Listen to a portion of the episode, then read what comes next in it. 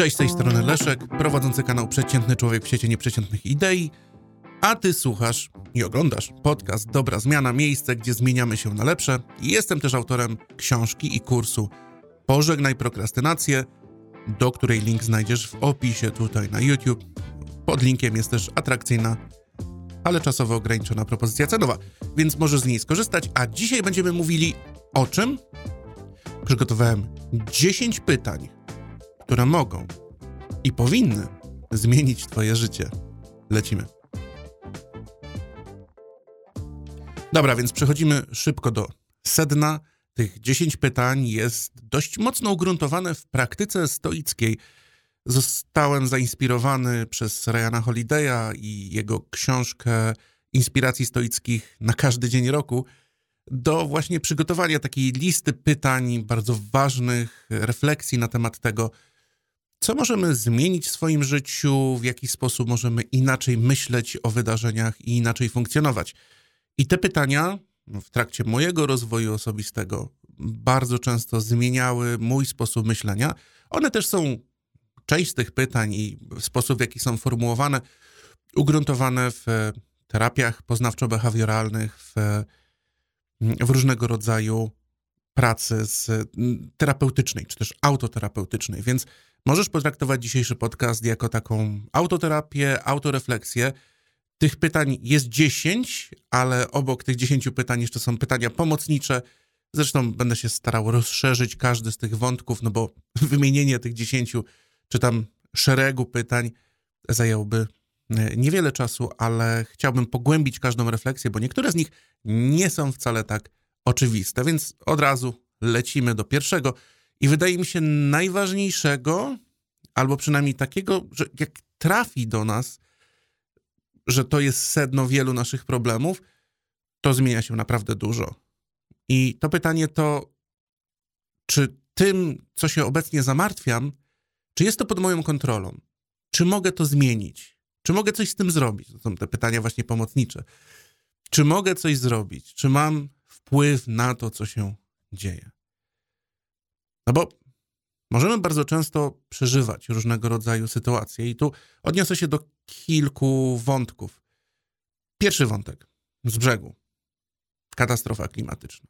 Czy y, obecny, w chwili obecnej mm, medialnie bardzo głośny, bardzo głośna sytuacja w Afganistanie po wycofaniu się wojsk amerykańskich.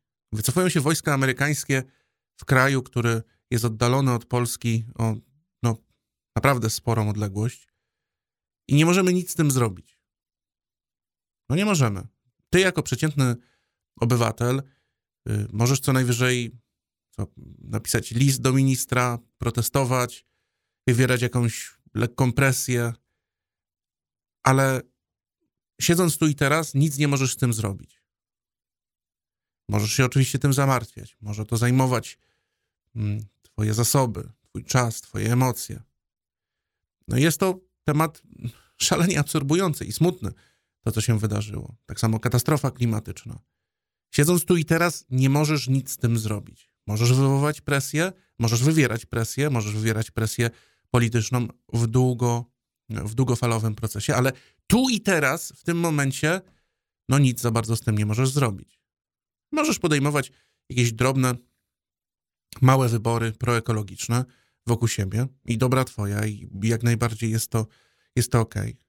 Aczkolwiek bardzo obszerne badania pokazały, że jedną ze strategii wielkich korporacji, strategii PR-owych, było przeniesienie odpowiedzialności, czy poczucia odpowiedzialności za stan naszego świata z tego, co robią korporacje, na indywidualnego użytkownika, przez co bardzo często korporacje, tworząc taki obraz, że one są właśnie proekologiczne, czy też wprowadzają jakieś drobne działania proekologiczne, e, tak naprawdę obwiniają, czy też ściągają, dają odpowiedzialność na ostatni, ostatniego konsumenta, a tak naprawdę wielkie korporacje są tymi wielkimi trudzicielami i to, co one robią, jest naprawdę w ogromnej mierze poza, poza kontrolą zwykłych konsumentów. Więc czy wybierzesz plastikową rurkę, czy tam plastikowe sztućce, czy drewniane sztućce, e, przy jakimś tam zestawie w, w, w McDonaldzie, czy w jakiejś innej w innej sieci,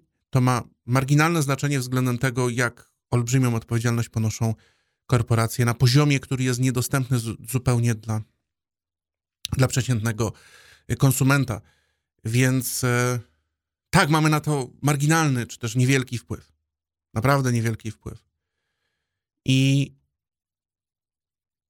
to jest jakby jedna strona aspektu. I teraz możesz żyć przejęty tymi sytuacjami i możecie to kompletnie, kompletnie emocjonalnie wyczerpać. No ale mamy inne sytuacje. Mamy sytuacje bliższe nam, na zasadzie w miejscu pracy. Mamy toksycznego szefa, toksycznego współpracownika. Czy możemy coś z tym zrobić? Teoretycznie tak, ale w praktyce bardzo często my nie możemy ludzi zmienić. My możemy starać się, żeby tych ludzi nie wiem, zwolniono albo samodzielnie podjąć jakiś konkretny, konkretny szereg akcji.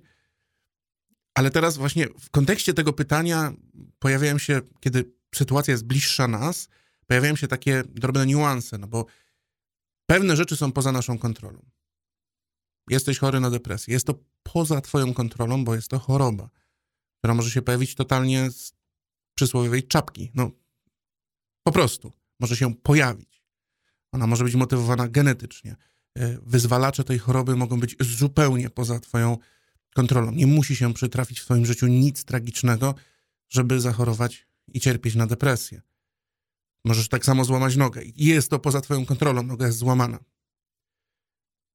Sposób, tylko że teraz właśnie, jeśli problem jest bliższy, to sam fakt zaistnienia pewnych rzeczy jest poza naszą kontrolą, ale rekonwalescencja już jest pod naszą kontrolą. I tak samo jak mamy toksycznego szefa, to szefa nie zmienimy w tym kontekście, nie zmienimy jego toksyczności, po prostu. Ludzi się tak łatwo nie zmienia. Generalnie ludzie się tak łatwo nie zmieniają. Ale my możemy zmienić pracę, więc możemy zacząć wyszukiwać rzeczy, nad którymi mamy kontrolę i możemy coś zrobić, żeby ratować naszą godność, nasze zdrowie psychiczne, nasze zdrowie ogólnie, naszą sytuację finansową. Na pewne rzeczy nie mamy wpływu, a jeśli nie mamy na coś wpływu, to powinniśmy to po prostu w tym kontekście zostawić i szukać rzeczy, które możemy faktycznie zmienić, kontrolować, modyfikować. No bo żeby mieć jakąkolwiek kontrolę nad tym, na przykład, co się dzieje, wracając jeszcze do przykładu tego nieszczęsnego Afganistanu, mm, co się dzieje w co Polska, co, co, co możemy zrobić w ramach Afganistanu, musielibyśmy zostać, nie wiem, ministrem spraw zagranicznych albo jakimś innym ministrem od jakichś innych spraw. No, ścieżka, którą musielibyśmy wykonać, żeby, mm, żeby faktycznie mieć jakąkolwiek sprawczość w danym temacie o takim zasięgu, takiej nieosiągalności y, dla przeciętnego człowieka, jest niemalże nierealna do wykonania. Jakby marginalna ilość osób, pojedyncze osoby na przestrzeni dekady dostąpią takich możliwości. Więc jest to poza naszą kontrolą, praktycznie. Ale zamartwiać się też możemy hipotetycznymi scenariuszami. A co jeśli szef mnie zwolni? A co jeśli wydarzy się coś złego? A co jeśli wakacje nie wyjdą? A co jeśli nie będzie pogody? nad, nad Bałtykiem i lepiej byłoby pojechać nad południowe morze.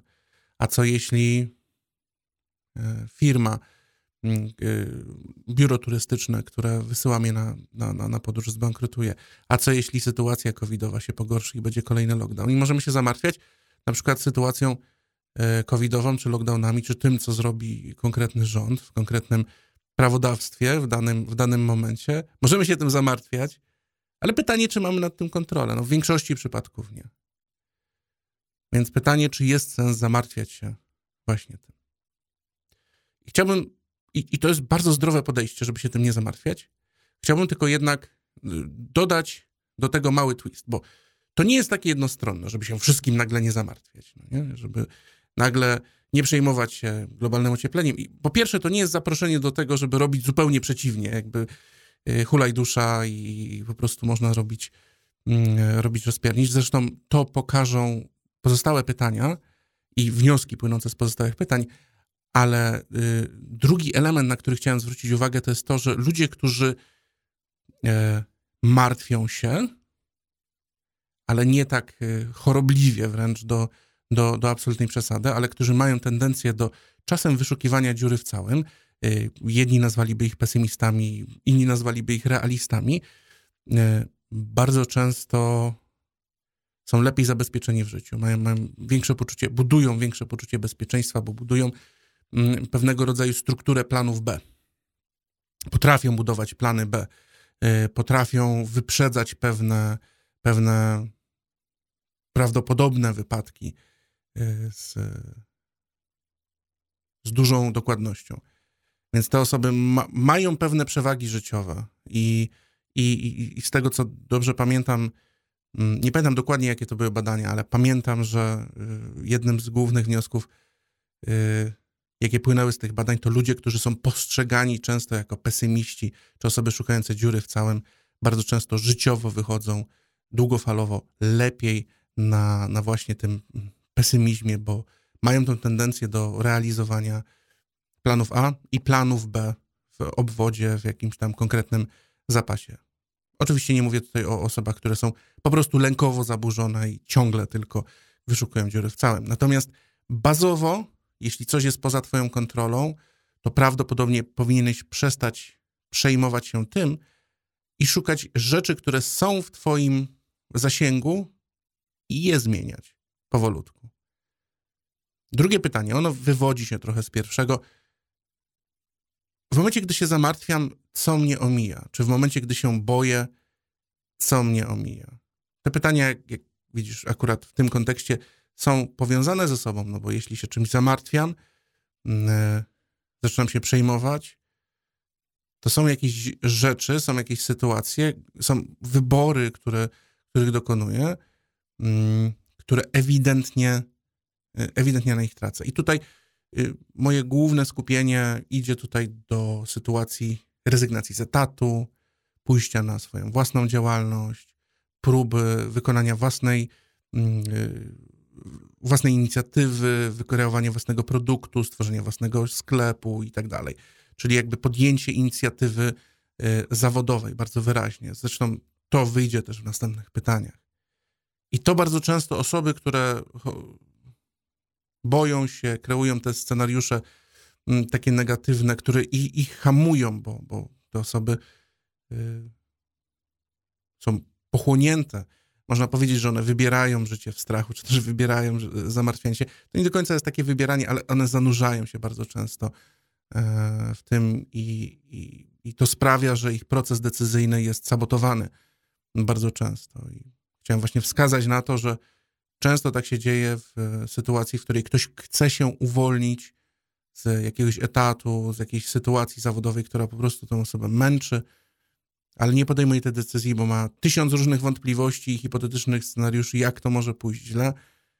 Więc nie wybierając tego, co sobie, co sobie ta, co, co ta osoba by chciała, co ona traci. I, i teraz zacz, możemy zacząć ważyć te lęki versus, versus to, co tracimy. Trzecie pytanie. Czy robię to, co powinienem, lub obiecałem sobie, że będę robić? I tutaj odwołuję się już tak bezpośrednio do, do, do mojej książki Pożegnaj prokrastynację, gdzie, gdzie jednym z takich głównych y, rzeczy, problemów osób, które odwlekają, jest to, że my sobie coś obiecaliśmy. Obiecaliśmy, że oddzwonimy, Obiecaliśmy sobie, że w końcu weźmiemy się za właśnie naszą działalność, czy obiecaliśmy się, że w końcu weźmiemy się za to, czy że poukładamy swoje finanse domowe, czy w końcu weźmiemy się za ten konkretny projekt, czy za wymianę y, kranu i, i, zlewu w, w łazience. Obiecaliśmy sobie, obiecaliśmy swojej żonie w tym kontekście wymiany, wymiany czegoś w domu. No więc w momencie, gdy sobie coś obiecujemy, to jest akurat bardzo istotne, bo możemy komuś obiecywać i nie dotrzymywać obietnicy. I to w oczywisty sposób sprawia, że mamy poczucie winy, albo zaczynamy unikać tej osoby, żeby się nie musieć tłumaczyć czy przepraszać. No, sprawia to w nas dyskomfort. Ale my bardzo często tak przywykliśmy do niedotrzymywania obietnic sobie, że przechodzimy z tym do porządku dziennego, że to jest taki nasz element naszego działania, że my sobie coś obiecujemy, potem i tak tego nie, nie realizujemy i sami tworzymy w sobie obraz osoby nierzetelnej, niekompetentnej, która jest to taka bardzo fajna ucieczka do tego, żeby dalej prokrastynować. No bo ja taki jestem. Dalej odwlekać. Bo ja po prostu tak mam. Tak się mówi, że ja po prostu tak mam. No więc w tym kontekście, czy robię to, co powinienem, lub obiecałem sobie, że będę robić, jest takim otrzeźwieniem, przywołaniem do, do, do porządku. Hola, ale obiecałem sobie, że będę robił to, a robię coś zupełnie innego. Gdzie zboczyłem? Co się stało? Dlaczego y, zszedłem z tych torów? Dlaczego te tory, które sobie obiecałem, czy ten, ten y, model działania, który sobie obiecałem, jest tak trudny, tak skomplikowany, jest tak ciężki do podjęcia? No, ilość tych pytań pomocniczych, które możemy sobie zadać, żeby przeanalizować tą sytuację, co się stało, można, można ciągnąć bardzo długo. Natomiast czy robię to, co powinienem, lub obiecałem sobie, że będę robić? Jeśli nie, to co się stało i w jaki sposób mogę wrócić na właściwe tory? Czy też zacząć to realizować? Czy realnie stworzyć sobie przestrzeń do, do działania? I to ma właśnie silny związek z odwlekaniem, bo w momencie, gdy wielokrotnie naruszyliśmy zdań, yy, obietnicę daną samemu sobie, to w nas wręcz wyzwala to, to takie prokrastynacyjne, a ja jestem leniem. Dobra, to już nie muszę, ja po prostu tak mam. No obiecałem sobie, ale, ale i tak nie dotrzymuję obietnic. Tylko w konsekwencji jest tak, że nie ufamy samemu sobie. A jak nie ufamy samemu sobie, to cokolwiek sobie obiecamy w przyszłości, już wywołuje nasze wątpliwości, już możemy to potraktować jako takie, a tak sobie powiedzieliśmy tylko, ale i tak będziemy kontynuować stare, negatywne nawyki, które ściągają nas do dołu. Więc to pytanie powinno być takim otrzeźwieniem. Czy robię to, co powinienem, lub obiecałem sobie, że będę robić? Czwarte pytanie. Ile wart jest mój czas? I czy wykorzystuję go najlepiej? I teraz no, ta wartość czasu, no tutaj ktoś może się oburzyć, że mówimy o pieniądzach, mówimy o jakiejś tam, mm, ale mówimy bardziej o przeliczalności. Znaczy, bo czas można oczywiście przeliczyć na, na, na, pieniądze i zawodowo możemy dążyć i powinniśmy moim zdaniem dążyć do tego, żeby nasz czas był możliwie jak najlepiej wyceniany. Natomiast ta wycena nie zawsze jest realizowana finansowo i to się też trochę wiąże z, z poprzednią sytuacją. Co jest dla mnie ważne? Jakby to pytanie, które jest ukryte pod tą warstwą, ile wart jest mój czas i czy mogę go wykorzystać lepiej, to co jest dla mnie ważne, bo może się okazać, że ważny jest czas, mój czas poświęcany z rodziną, albo ważny jest dla mnie mój czas poświęcany na odpoczynek, albo ważny jest mój czas spędzany nad moim hobby. I podejmując taką decyzję na zasadzie, bardzo często warto zastanowić się po zrobieniu czegoś, czy wolelibyśmy spędzić tyle samo czasu robiąc nasze hobby, czy wolelibyśmy spędzić tyle samo czasu nie wiem, wykonując daną konkretną pracę, czy, mm, czy właśnie robiąc nic konkretnego, czy, czy jakby bezmyślnie nudząc się i puszczając byle jaki serial, czy byle, byle film, byle tylko e, zabić czas. Jakby to, to jest war, ważne pytanie, ile wart jest mój czas i e, czy mogę go wykorzystać lepiej. I może być tak, że na, na przykład w takim życiu towarzyskim, to jest to trochę gdzieś zaczyna schodzić też na takie relacje z ludźmi, bo z ludźmi spędzamy dużo czasu. I czasem jest tak, że ten czas spędzany z ludźmi, z przyjaciółmi jest bardzo wartościowy i bardzo tego potrzebujemy i, i chcemy go więcej. I, i, więc jeśli on jest wartościowy dla nas, to podejmujmy właściwe działania, żeby częściej, więcej czasu spędzać żeby dostarczać sobie konkretnych wartości. Ale właśnie w drugą stronę. Jeśli w życiu towarzyskim jest ktoś, kto, mm, kto sprawia, że po prostu spędzanie z tą osobą czasu wysysa z nas energię, nie mamy ochoty po prostu słuchać po raz kolejny tych głupich opowieści i tak dalej, no to powinniśmy podejmować właściwe wybory, ale kluczem jest to pytanie, ile wart jest mój czas i czy mogę go wykorzystać lepiej, sprawniej. I ja miałem tak czasem, że po spotkaniu z jakąś tam osobą y, myślałem sobie, no wolę sto razy bardziej siedzieć w domu i, i prawda, dłubać w nosie, niż siedzieć z tą osobą i po prostu wysłuchiwać głupot, które ona, ona opowiada. Miewałem takie, takie sytuacje.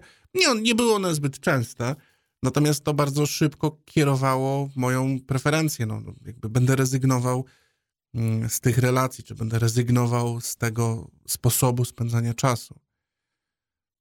A w konsekwencji, w konsekwencji ta preferencja wychodzi dość naturalnie, ale warto sobie od czasu do czasu zadać to pytanie, czy nie marnuję czasu, czy mogę go wykorzystać lepiej. I jedna tutaj mała adnotacja na końcu. To nie jest nawołanie do tego, że, że, że każde obijanie się, oglądanie serialów, czy, czy po prostu robienie w cudzysłowie niczego jest bezproduktywne na zasadzie, że nie, wiem, nie rozwijamy swojej działalności, nie przemy do przodu, nie, nie, jak to się mówi, hastlujemy, czy tam pracujemy, prawda, bardzo intensywnie. Właśnie wręcz na odwrót. To bardzo często zbyt intensywna praca jest niewarta rezultatów, które ona gdzieś w perspektywie czasu przynosi. Pomijając parę jakichś tam pojedynczych, pojedynczych e, wypadków, mało kto jest takim e, przedsiębiorcą alfa, takim, który, który po prostu jest w stanie faktycznie produktywnie pracować po 12 godzin, dociskać niewyobrażalnie. Bardzo często na początku działalności to jest wręcz konieczne w niektórych sytuacjach, ale, ale mało kto jest w stanie w taki sposób produktyw być produktywnym, zdrowym i długofalowo, długofalowo funkcjonować. Po prostu. Zresztą bardzo fajne badania e, wykazały, że każda nadgodzina brana powyżej chyba 11, 10 czy 11 godziny e, przyczynia się do progresu w danym projekcie w stopniu żadnym a wręcz ujemnym po pewnym czasie, no bo jesteśmy coraz bardziej zmęczeni, wyczerpani, podatni na błędy, więc e, no, to nie jest po prostu nawołanie do, do przepracowywania się. Chodźmy dalej. Piąte pytanie. Dla kogo to jest i komu się to przysłuży? Kto z tego skorzysta? Pomyśl sobie, patrzysz na jakiś produkt, patrzysz na jakąś rzecz, patrzysz, nie wiem, na pff, moją książkę czy kurs. Pożegnaj prokrastynację. I dla mnie na przykład ten produkt ma głęboki sens. Wiem dla kogo to jest, komu się to przysłuży, jak to będzie działało, co to ma zmienić. I robienie rzeczy, które mają głęboki sens, ma, ma naprawdę takie, daje poczucie spełnienia, wypełnienia. I w momencie, gdy ty wykonujesz jakąś pracę, gdy wykonujesz jakieś dzieło, coś powstaje w wyniku twojej pracy intelektualnej, fizycznej, to zawsze możesz sobie zapy zapytać się, dla kogo to jest? Komu się to będzie przysłużyło? No i, i czasem jest tak, że mamy ten moment refleksji, w którym zdamy sobie sprawę, że robimy coś absolutnie bezsensownego. I to odwołuje się do koncepcji, y, która może troszeczkę została rozdmuchana, bo aż tak wielu tych miejsc pracy nie ma, ale do koncepcji bullshit jobs, czyli do miejsc pracy, które nie mają absolutnie żadnego sensu, Pamiętam, czytałem taki bardzo rozległy artykuł, e, to był chyba portal Business Insider albo The Economist, e, że w jednej z korporacji zlikwidowano cały dział, który nikt nie wiedział, co tak naprawdę robi. On był powołany gdzieś w latach 80. do zrobienia konkretnego projektu. Projekt został zakończony. Nie, nie wiedzieli do końca, co mają zrobić z tymi ludźmi, którzy raz są wdrożeni w tryby organizacji, są wartościowi, no mają jakieś tam Mm, wykształcenie, dobrze pracują i tak dalej, więc stworzono inny depar departament, tej, tej, inną komórkę tej organizacji, która miała się zajmować czymś tam, ale mm, lata mijały, prezesi się zmieniali, komórka gdzieś tam transformowała się i, ci ludzie gdzieś tam się, fluktuacja pracy gdzieś tam funkcjonowała, ci ludzie się prześliznęli przez 10, 20, 30 lat. Razem z tym z tym, z tym zmieniającym środowiskiem, środowiskiem pracy, w który oni się wkomponowali, ale w momencie, gdy została ta komórka wycięta z organizacji, to absolutnie nic się nie zmieniło. Absolutnie nic. Dosłownie nic. I, I tak jest bardzo często w bardzo dużych firmach, że można mieć poczucie bezsensowności swojej pracy. Przerzucanie papierków z lewej do prawej, zupełnego poczucie zupełnego braku wpływu. Więc dobrze jest, zadając sobie to pytanie, dla kogo to jest, komu to służy, co to zmienia. Zadając sobie te pytania, poszukać tego. Bo może się okazać, że praca, która się pozornie wydaje bezsensowna, może ma jakiś sens, ale my go po prostu nie widzimy, nie czujemy. A jeśli go nie czujemy, to może jest to właśnie sygnał ostrzegawczy dla nas, że pora coś zmienić, pora poszukać czegoś, co, co ten sens będzie nam dawało. Szóste pytanie. Czy to zachowanie jest zachowaniem osoby, którą chciałbym być? No tak, i tu, tu mamy takie zdarzenie z sytuacjami kryzysowymi w życiu. Bo jakby możemy funkcjonować na, na kilku płaszczyznach, ale takie dwie bazowe to jest takie funkcjonowanie w sytuacji mało stresowej, nisko stresowej, gdzie nikt nas nie dociska, nie mamy żadnych konfliktów, żadnych tarć, żadnych starć z nikim, żadnych konfrontacji, nie musimy wyjaśniać jakichś trudnych rzeczy, po prostu wykonujemy jakąś swoją pracę, mm, wykonujemy jakieś zlecone nam, zlecone nam działania.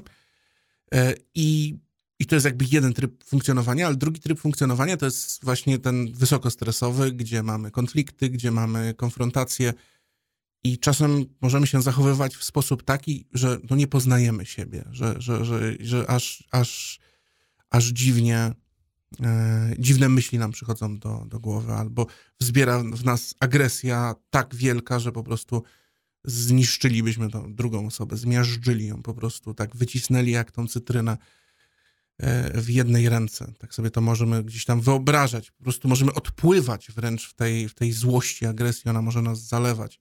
Może tak być. Więc dobrze sobie czasem zadać pytanie, czy jest to zachowanie osoby, którą chciałbym być. Tak samo mm, i tu mamy, to, to, jest jakby ta jedna płaszczyzna, gdzie, gdzie mamy sytuacje konfliktowe, ale mamy też płaszczyznę na przykład, gdzie jest, jesteśmy rodzicem. I gdy jesteśmy rodzicem, zadawanie sobie tego pytania, czy to jest zachowanie osoby, którą chciałbym być, rodzica, którym chciałbym być. To jest bardzo ważne pytanie, które, mm, które warto sobie zadać. Czy i teraz znowu jesteśmy mężem, żoną, mamy partnera.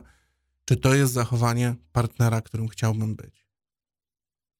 Bo możemy mieć jakiś tam ideał, że chcemy być wspierającym partnerem, partnerem, który, e, który coś dodaje, który w trudnych sytuacjach zamiast krytykować, poda ramię, oparcie, nie będzie oceniał i tak dalej.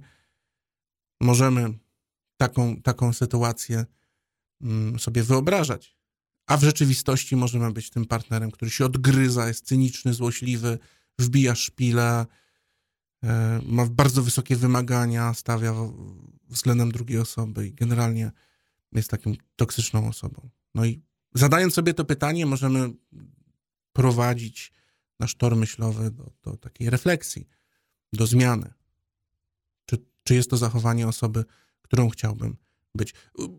osoby, ale tutaj właśnie mm, to zniuansowanie na role społeczne sobie możemy zrobić, czyli czy rodzica, czy nauczyciela, czy partnera, czy pracownika i tak dalej, czy kierownika, czy menadżera, jeśli jesteście menadżerami. Siódme pytanie. Czy to, co mam zrobić, ma naprawdę jakiekolwiek znaczenie? Czy ma to jakąkolwiek wartość? Ono, to pytanie łączy się trochę z tym, ile wart jest mój czas i dla kogo to jest, czyli, czyli pytaniem czwartym i piątym.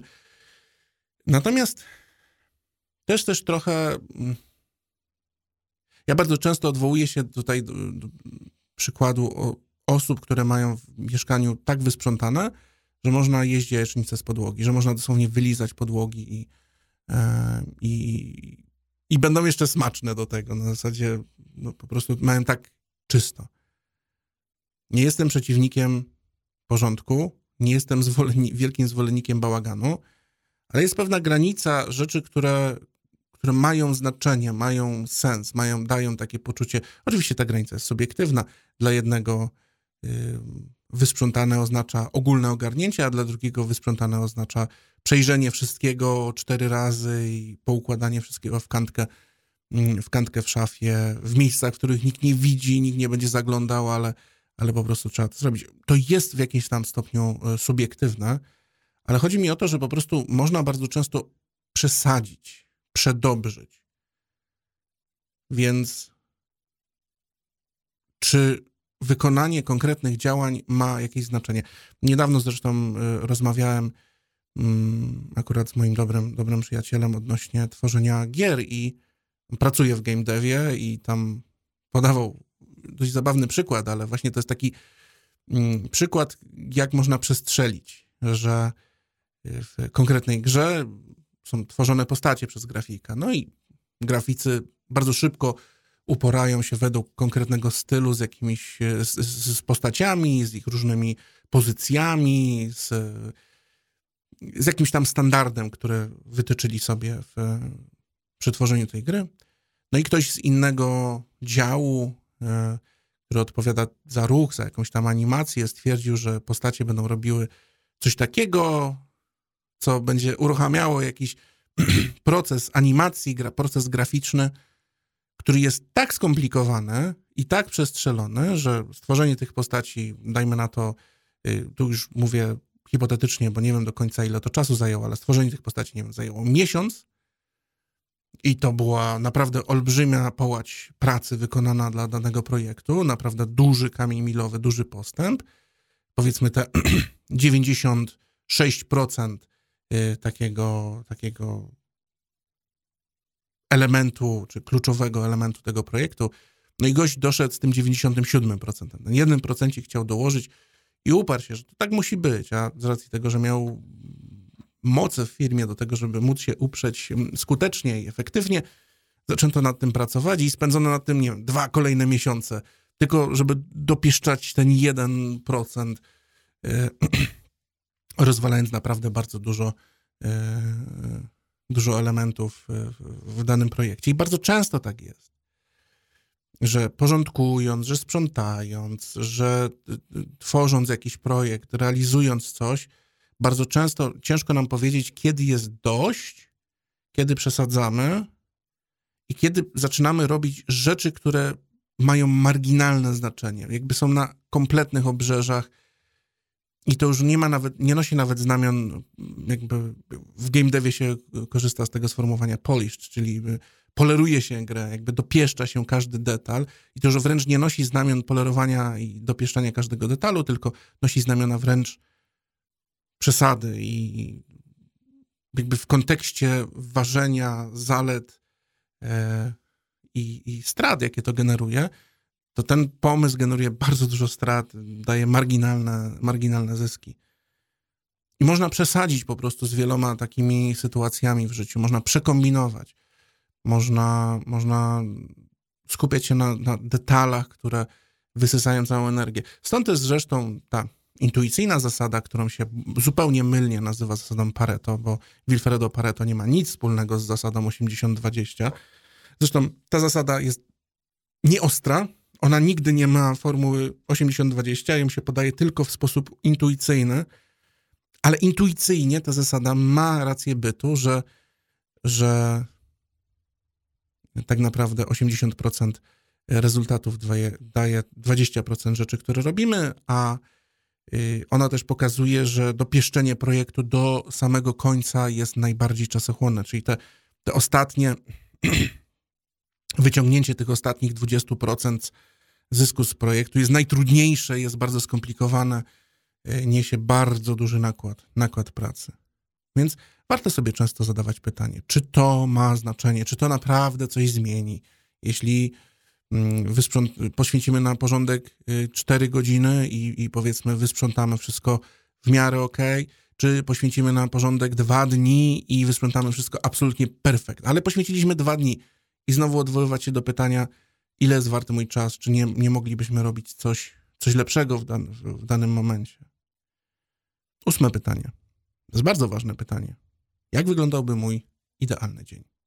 I oczywiście tutaj mogą się pojawić cynicy, którzy zaraz powiedzą, no leżę sobie i sobie klikam i prawda odpoczywam. Ale bardzo często taka pierwsza odpowiedź, cyniczna, trochę złośliwa, sabotująca trochę to pytanie, mm, ona bardzo często mówi o tym, co potrzebujesz teraz. Czyli potrzebuje teraz dużo odpoczynku. Idealny dzień to dzień na plaży spędzony, prawda? Ale zastanów się chwilę, bo to pytanie jest głębsze niż, e, niż tak z pozoru się wydaje. To nie chodzi o to, co potrzebujesz teraz, tylko jak wyglądałby Twój idealny dzień. To znaczy dzień, w którym być może w zupełnej harmonii każdy element Twojego życia dostarczałby Ci jakąś wartość, satysfakcję, dawałoby ci poczucie spełnienia, wypełnienia. Więc niekoniecznie będzie to dzień spędzony w, w pościeli z chipsami i z włączonym Netflixem czy jakimiś innymi serialami.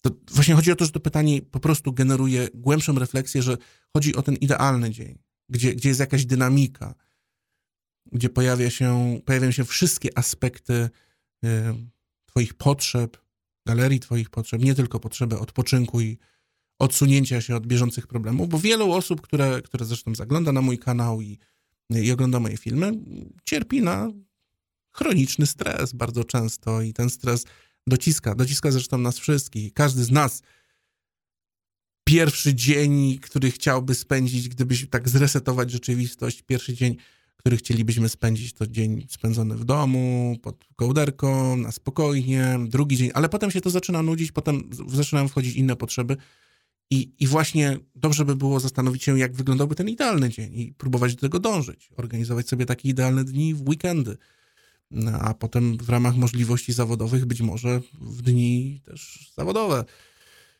Generalnie warto po prostu o tym myśleć, warto zadać sobie to pytanie. Dziewiąte pytanie. Z kim spędzam czas? I z kim chciałbym spędzać czas? I oczywiście to też można być cynicznym i złośliwym, że mogliby, chcielibyśmy spędzać czas jakąś tam śliczną aktorką albo jakąś tam wymarzoną osobą, ale zastanów się, rozejrzyj się dookoła siebie. Osoby, które masz w swoim otoczeniu, w, z kim chcesz spędzać czas. Bardzo szybko to ukryte pytanie wychodzi, z kim nie chcesz spędzać czasu i to, e, to jakby też ta galeria wykluczeń może się pojawić. Ale warto sobie od czasu do czasu ewaluować, kto jest twoim przyjacielem, komu możesz zaufać, z kim się przyjemnie spędza czas, z kim się nieprzyjemnie spędza czas. Warto pogłębiać te, te relacje, które są dla nas ważne. Warto sobie przypominać, które relacje są dla nas ważne i je pielęgnować. To jest ważne pytanie w życiu. No i dziesiąte pytanie. I to dziesiąte pytanie będzie wymagało pewnego objaśnienia, dopowiedzenia. Czy to, co robię, skończy się źle i będę żałował, że nie zainterweniowałem w danym momencie? I ja to bardzo często nazywam mm, obserwowaniem w wypadku samochodowego w zwolnionym tempie. To znaczy, cza czasem jest tak, że wiemy, że coś źle się dzieje, na przykład w naszym związku albo w naszej firmie. Do części w naszym związku takie mamy poczucie, że, że, że, że pewne aspekty relacji zmierzają w złym kierunku. Ale zostawiamy je. A może to jakoś będzie. Może to jakiś taki element, charakterystyka taka, taki smak naszego związku, naszej relacji wspólnej, taka, taka docinki, między, toksyczność między partnerami, czy jakieś takie elementy, które można by określić jako niezdrowe, ale można też określić jako, o, oni tak mają. Nie? I bardzo często jest tak, że my oglądamy wypadek samochodowy w zwolnionym tempie. Ta metafora tego, że my po prostu przyglądamy się, jak nasz związek powoli się rozpada, czy nasza firma, czy nasze, nasze projekty. One powoli się rozpadają z, z różnych powodów, ale my nic z tym nie robimy. I właśnie, czy powinniśmy zainterweniować? I oczywiście możemy wrócić do pierwszego pytania, czy mamy to, pod, czy to jest pod naszą kontrolą, a jeśli nie, to co jest pod naszą kontrolą? Co możemy z tym zrobić? Może pójdziemy na, e, pójdźmy na jakieś mediacje małżeńskie, na, na, na terapię, terapię par, może na jakieś podejmijmy jakieś kroki, albo nie podejmujmy żadnych kroków, albo podejmijmy kroki, żeby zakończyć to, albo żeby chociaż porozmawiać ze sobą, albo cokolwiek zacząć robić w tym kierunku. Przerażające to jest, że tak wiele osób właśnie przygląda się tej kraksie samochodowej w zwolnionym tempie. Jaką są często ich związki czy ich projekty. Że ta refleksja, że nie podjęli wybierając swojego partnera, na przykład nie przemyśleli pewnych rzeczy.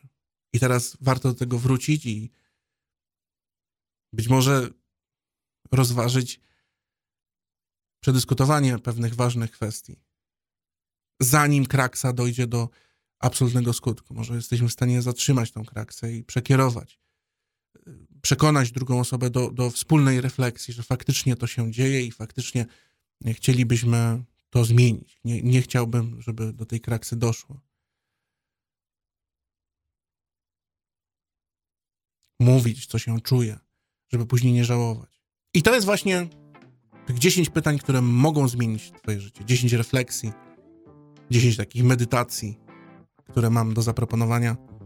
Wszystko zaczęło się od tej małej refleksji na temat Ryana Holiday'a i jego inspiracji stoickich, ale, ale to idzie szerzej. Mam nadzieję, że wykorzystasz te pytania jako formę autoterapii, pracy ze sobą. Może ci to w tym czymś pomoże. Ja dziękuję za Twój czas. No i słyszymy się w kolejnym podcaście, w kolejnej animacji. Dzięki za Twój czas. Pozostań nieprzeciętny. Cześć.